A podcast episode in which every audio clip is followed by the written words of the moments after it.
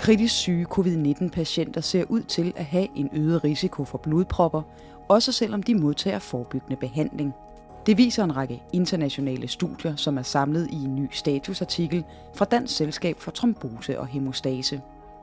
Men studierne er små og lever ikke op til de normale forskningsmæssige standarder, så hvordan navigerer man i det, når der samtidig er et stort behov for viden om konsekvenserne af covid-19? Vi har virkelig savnet kontrolgrupper, og det har jo været et stort gennemgående spørgsmål, det her med, er det her værre, end det plejer at være? Det kan du høre meget mere om i denne udgave af Ugeskriftets videnskabspodcast.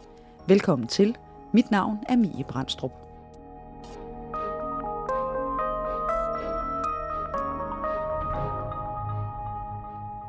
Jeg hedder Maja Helfrits Poulsen, og jeg er øh, reservelæge på klinisk farmakologisk afdeling på Aarhus Universitetshospital. Og så er jeg øh, bestyrelsesmedlem i øh, Selskab for Trombose Hemostase, hvor vi i bestyrelsen er øh, forfattere til den her statusartikel, og hvor jeg så er første forfatter. Statusartiklen er afledt af et ønske om at skabe overblik over de tidlige studier af trombose hos covid-19-patienter – og udarbejde danske anbefalinger omkring risici og behandling. Det kom så egentlig af, at ja, vi var egentlig relativt langt henne i det her coronapandemi. Altså det var nok først i starten af april, at der var flere, der sådan ligesom bemærkede, at der måske var en øget trombose-tendens øh, hos de her patienter, især de sådan, øh, svært syge covid-19-patienter.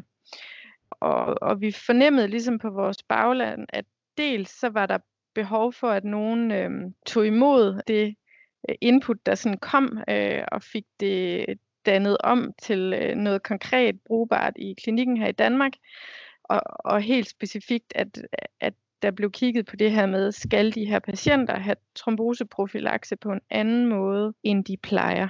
Og det er sådan med tromboseprofilakse, det hører ikke på samme måde til et enkelt speciale, som som mange andre behandlinger egentlig gør. Øh, og det er lige præcis noget af det, som vi gerne vil i DSTH, det er det her med at øh, for eksempel lave retningslinjer inden for områder, som øh, spreder sig ud over flere specialer, hvor det ikke er oplagt, at der er nogen andre, der, øh, der ligesom øh, tager det ind.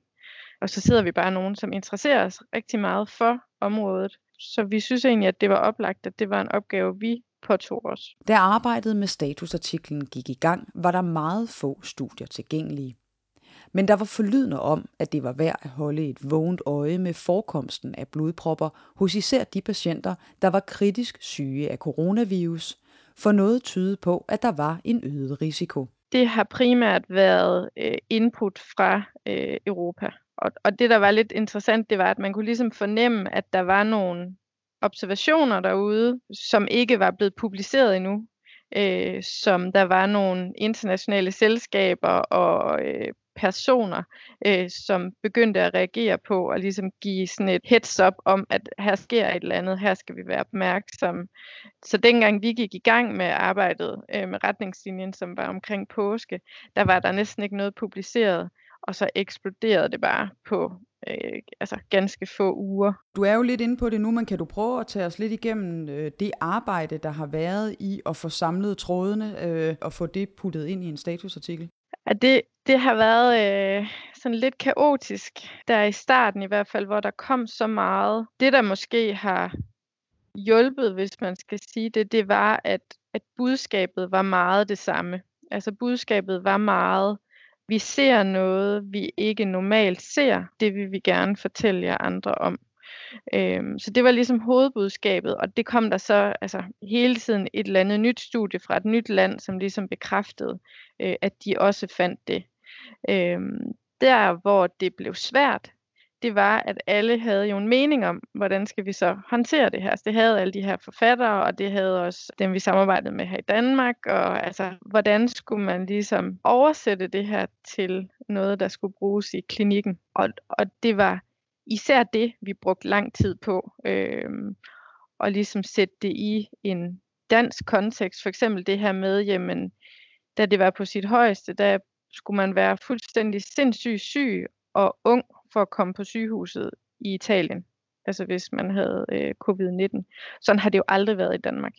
Øh, så det er det her, øh, hvilke patienter er det, vi ser, øh, og hvordan øh, kan vi ligesom oversætte det vi får ind til noget, man kan bruge i Danmark. Statusartiklen bygger på syv studier fra regionale hospitaler i Kina, Holland, Frankrig, England og Italien med i alt 1147 patienter i både intensiv og ikke-intensiv behandling. Vi satte ligesom et cut-off ved 1. maj, fordi det var der, vi submittede artiklen, og øh, vi valgte så at øh, sætte et cut-off på omkring 60 patienter, fordi der var nogle helt små studier også. Og de er jo alle sammen sådan en slags observationelle patientserier, som rapporterer om så og så mange patienter på intensiv, som de så også har fulgt, og så beretter om, hvor mange der har fået blodpropper. Vi har egentlig prøvet at kigge så nøgternt på det som muligt. Altså vi har prøvet at kigge på sådan studiernes grundfakta. Hvornår i epidemien har det været? Hvilke lande har det været? Hvordan har det været ude i de enkelte lande? Hvad er det for nogle populationer, de har taget med? Og igen, øh, med de begrænsninger, der selvfølgelig er, altså der er masser af oplysninger, som vi ikke har. Altså de bærer alle sammen præg af, de fleste det er sådan nogle short reports og rapid øh, communications og sådan Altså, det, det bærer præg af det, der sådan lidt, lidt hastige i det. Øhm, og så har vi prøvet at kigge på, altså lad være med at kigge så meget på deres fancy statistiske analyser med kumulative incidenser. Vi, vi har simpelthen prøvet at kigge på, jamen, hvad er det absolute antal af de her patienter, der får øh, tromboser. Øhm, og så kigget lidt på, jamen, har de let særligt efter det? Øh, har de screenet med øh, ultralyd for eksempel? Og, og har de overhovedet fuldt follow-up på alle patienterne? Og det har de fleste ikke, hvilket jo ellers er sådan lidt uhørt. Øh, ja, så det, det har været en, en oplevelse at, at både øh, altså opleve det her, hvordan at publikations øh, trenden har været i det her, og så samtidig skulle sidde og, og få lavet det om til nogle konkrete anbefalinger. Ja, og der er jo også øh, ret stor forskel på, hvad, hvad studierne viser, altså både i forhold til dødelighed og risiko for øh, trombose. Der er nogle studier, hvor øh, delen af venøs trombose er enormt høj, og i andre studier, hvor det er lungeembolier. Øh, hvordan har I siddet og navigeret i det, også i forhold til, at det her jo skulle blive til retningslinjer og ud i, i, i klinikken. Så hvad for nogle ting har I siddet og vægtet, når I har kigget de her studier igennem? Selvom man skriver, at der skulle være klinisk mistanke, så er man umiskendeligt øh, begyndt at kigge mere. Øh, og, og så er det jo fra, øh, altså der er jo ingen af dem, der er sådan det, der hedder populationsbaseret, hvor man har fra et helt land eller en større region. Det er øh, enkelt hospitaler, hister her, hvor der kan være traditioner for, øh, hvad skal der til, før vi udreder en patient, eller øh, det kan være, at der er en, der går særligt op i det her. Øh, men, men man kan sige, at den måde, vi brugte det på, øh, fordi, som du også siger, at, at resultaterne egentlig varierede på tværs, selvom nogle af populationerne egentlig var rimelig sammenlignelige, øh, så brugte vi dem primært til at altså være udtryk for et samlet signal Altså, så, så vi har egentlig gjort meget ud af at lade være med at hæfte os for meget ved et studie eller ved et resultat, øhm, et bestemt fund omkring en prediktor eller et eller andet. Altså vi, vi har prøvet at gå sådan lidt i helikopterperspektiv og se, hvad er det for et signal, det her det samlet sender. Og ligesom i stedet for at sige, jamen de har, øh, der er 25 procent, der får trombose, så sige, der er flere, der får trombose, end det vi vanligt ser. Ja, og som du siger, så lad være med at kigge voldsomt meget på det enkelte studie, men mere, øh, som jeg forstår det, drage nogle tendenser ud af studierne som, som sådan. Præcis.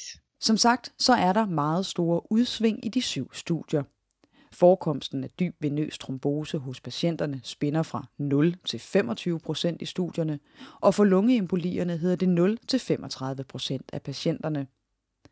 Resultaterne stikker med andre ord i mange forskellige retninger, men det billede, der står tilbage, er, at der er en overhyppighed, når man sammenligner med almindelig influenza. Det er nogle høje tal. Det er i hvert fald hyppigt, som det bliver rapporteret. Og så det her, som du også nævnte før, altså der er en skævvridning mellem øh, lungeemboli og så dyb venøs trombose, altså DVT, øh, som er anderledes end den, vi plejer at se. Det vi jo normalt ser, det er jo, at, og det vi egentlig ville forvente, vi så, det var, at folk de får en DVT, og så den her DVT, den kan så ligesom øh, rive sig løs, eller hvad man kan sige, og embolisere og blive til en lungeemboli hos nogle af patienterne. Så normalt så vil man jo se flere patienter med DVT øh, end patienter med lungeemboli. Og her der ser vi faktisk både en større andel af patienter med lungeemboli, og at en del af de patienter, der har lungeemboli, de har, de har ikke en DVT, altså de har ikke et sted, det ligesom kommer fra.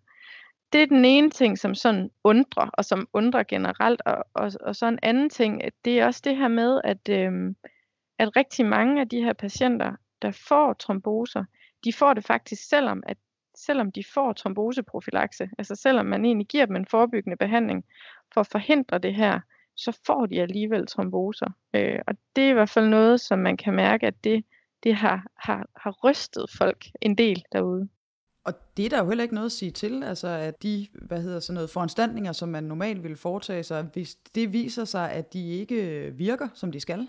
Ja, og den der tone, der har været i dem, har egentlig været, øh, gør alligevel noget ved en. Altså den her sådan, kollegaer derude, vi ser det her, selvom at vi gør, som vi plejer, øh, så vi må prøve noget andet. Og nu, altså selv folk, som er store forskere inden for det her område, som simpelthen øh, lægger kortene fladt på bordet og siger, vi ved godt, at det her det er ren empiri, men nu prøver vi altså at give dem fuld dosis alle sammen, eller sådan et eller andet. Øh, det er alligevel øh, også lidt vildt, øh, synes jeg. Ja, at der sidder øh, dygtige kolleger, som er så, hvad kan man sige, åbne omkring deres tvivl i virkeligheden. Mm. Ja. Lidt apropos det, vi sidder og snakker om nu. I skriver jo også, at øh, mekanismen mellem øh, covid-19 og trombose er uafklaret, men at der, der er noget, der tyder på, at der er en mekanisme eller en, en årsagssammenhæng. Kan, kan du kort prøve at komme, øh, komme ind på, hvad det er, I forestiller jer, at mekanismen er? Det er jo ikke, fordi det overrasker, at de har en høj tromboserisiko generelt. Altså, de er der er et stort overlap mellem øh, den patientkategori, der bliver øh, kritisk syge af øh, covid-19, øh, og så øh, risikofaktorer for øh, venøs tromboemboli. Øh, og, og man genfinder egentlig også, når man så øh, kigger på de her patienter, at, at mange af dem har klassiske risikofaktorer. Og så er det jo en sygdom, der gør, at man øh, ligger ned. Man, man ligger sig ned og, og ligger tungt i sin seng. Måske bliver man endda intuberet og sederet og ligger rigtig tungt. Øh, man er inficeret, inflammeret, man er dehydreret. Alt sammen noget, der også øger risikoen. Så, så på den måde er det ikke sådan overraskende. Det, som man nok er mest omkring lige nu, øh, det, det er med fokus på det her med, øh, at vi ser en højere forekomst af lungeemboli end af DVT'en, og at vi har den her behandlingssvigt øh, på øh, helt almindelig lavmolekylær heparin, altså almindelig profilakse, som kunne tyde på, at der sker et eller andet lokalt i lungerne, øh, at den her øh, udtalte inflammation sekundær til infektionen med endotelskade og hypoxi simpelthen kan gøre, at der er noget lokal øh, koagulations, eventuelt trombocytaktivering øh, i lungerne som kan forklare den her forskel mellem, hvad vi normalt ser i forhold til fordelingen mellem lungeemboli og DVT.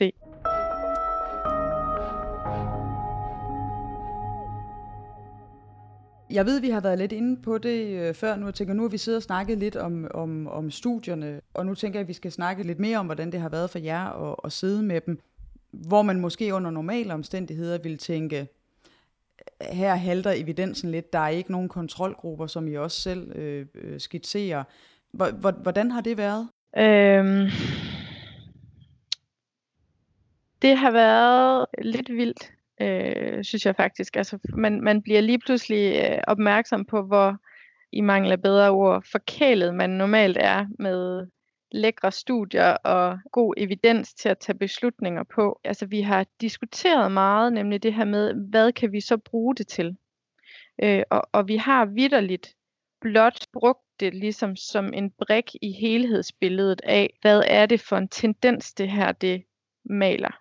Og det er så blevet kombineret med dels de guidelines, retningslinjer, der er kommet fra andre internationale selskaber, øh, fra andre eksperter, øh, og så med det, som vi har fået input om, at man oplever øh, i Danmark.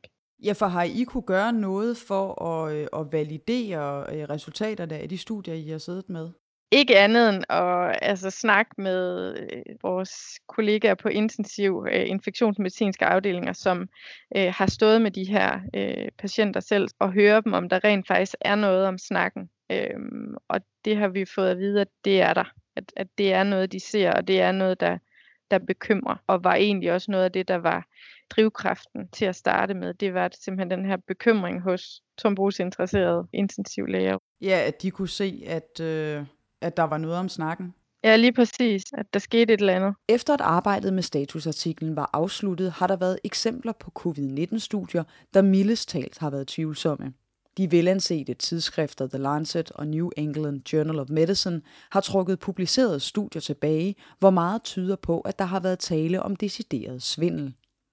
Men selv i reelle studier har behovet for hurtig viden vægtet så tungt, at de normale krav til evidens er trådt i baggrunden.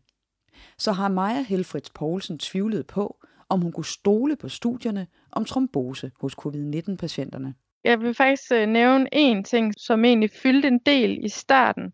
Der kom sådan et studie fra Holland, øh, som rapporterede om en kumulativ incidens af tromboser hos intensiv indlagte covid-19-patienter øh, på 31 procent.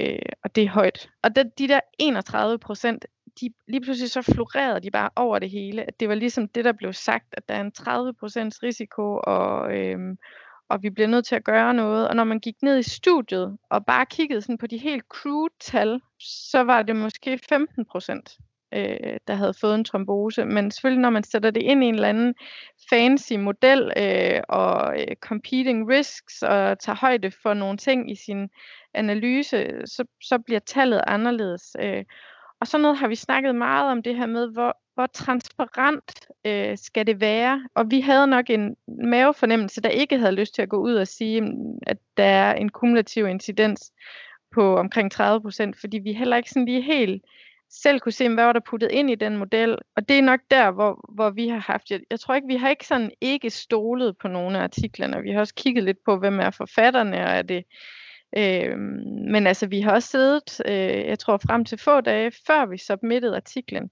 der var en af de, et af de vigtigste studier. Det var stadigvæk kun det, der hedder preprint, altså var smidt på nettet, men havde ikke været igennem en peer review proces endnu. Og det der med, kan vi overhovedet tage højde for det? Øh, og det endte vi så med at gøre, fordi vi synes, det var nogle, altså det var nogle forfattere, som man kendte fra tidligere. Altså det er eksperter på området, og Øh, men ja, jeg, jeg tror da måske, vi havde kigget endnu mere kritisk, øh, hvis vi havde, hvis den her Lance-skandale, den også lige havde. Øh. Men jeg synes, jeg synes, vi har været kritiske øh, primært over for, så hvad er det for en evidens, vi har mellem hænderne? Hvordan er den behandlet, og hvordan kan vi bruge den? Men, men jeg tror ikke, der er nogen af os, der har tænkt, om det var usandt. Nej, og da vi to vi øh, lavede et, et lille forinterview for nogle dage siden, der nævnte du også det der med, at, at I ikke ville lade blive påvirket af hypen. Øh, kan du prøve at forklare lidt mere om, hvad, hvad, hvad mener du mere præcis med det? Det var nok egentlig mest, øh, mest de her, den her kumulative incidens på 30 procent, den gik, øh, altså den gik virkelig, øh, den, der var lige en uge der, hvor den bare gik fuldstændig, og, og det var lige der, hvor man var ved at blive klar over, at der skete et eller andet her. Øhm, og, og, og også den hype, man ligesom fornemmede i, i de her artikler, altså øh, hvor der var mange, der så sluttede af med at skrive, at jamen, de synes egentlig bare, at man skulle give terapeutisk øh, antikoagulation til alle patienterne, indtil man var kommet det nærmere. Det er også voldsomt. Men jeg synes faktisk ikke, vi er blevet specielt påvirket af det. Jeg, jeg synes faktisk, vi har holdt det virkelig forsøgt at holde det altså med fokus på, hvad er det, vi ser, hvad er det for nogle rapporter, vi har.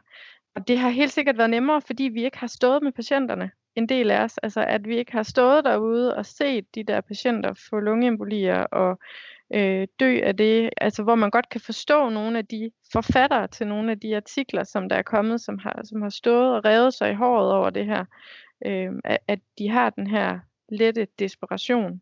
Og I som forfatter på den her artikel, det, I har jo så, som du siger, også været en blanding mellem folk, der har stået ude i klinikken, øh, og så sådan en som dig, som måske har kunne have det en lille smule mere på afstand, og, og have meget mere fokus på tallene og, og den evidens, der trods alt øh, er. Så, så hvordan har det sammenspil været?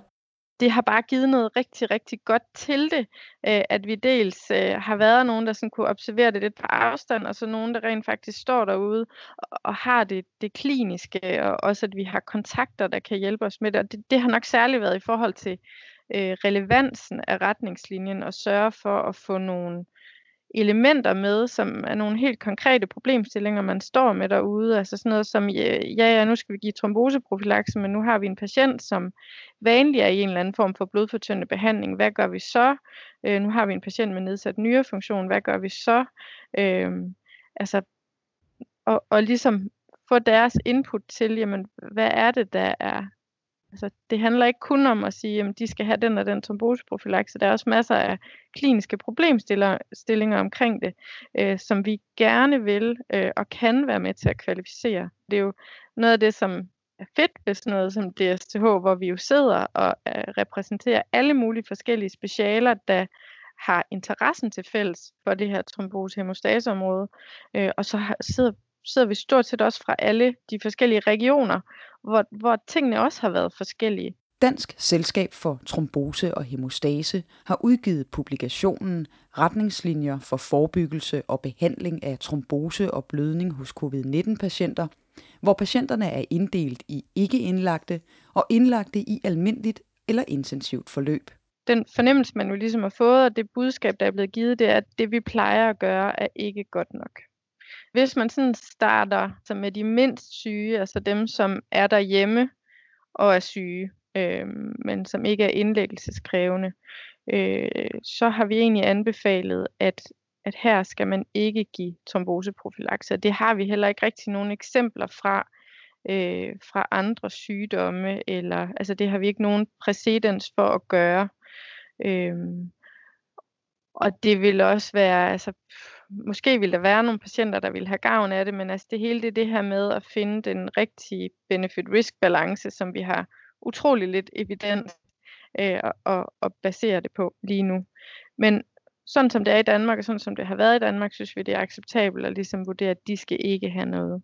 Så er der dem, som er indlagte, men, ikke, men som ikke er så dårlige, at de skal på intensiv. Der vil man jo normalt give dem tromboseprofilaks efter sådan en øh, risikostratificering ud fra deres risikofaktorer. Og her har vi simpelthen anbefalet, at det her skal alle bare have tromboseprofilakse. Øhm, så her er det sådan lidt mere øh, en lidt mere aggressiv eller intensiv tromboseprofilakse ved, at alle skal have det.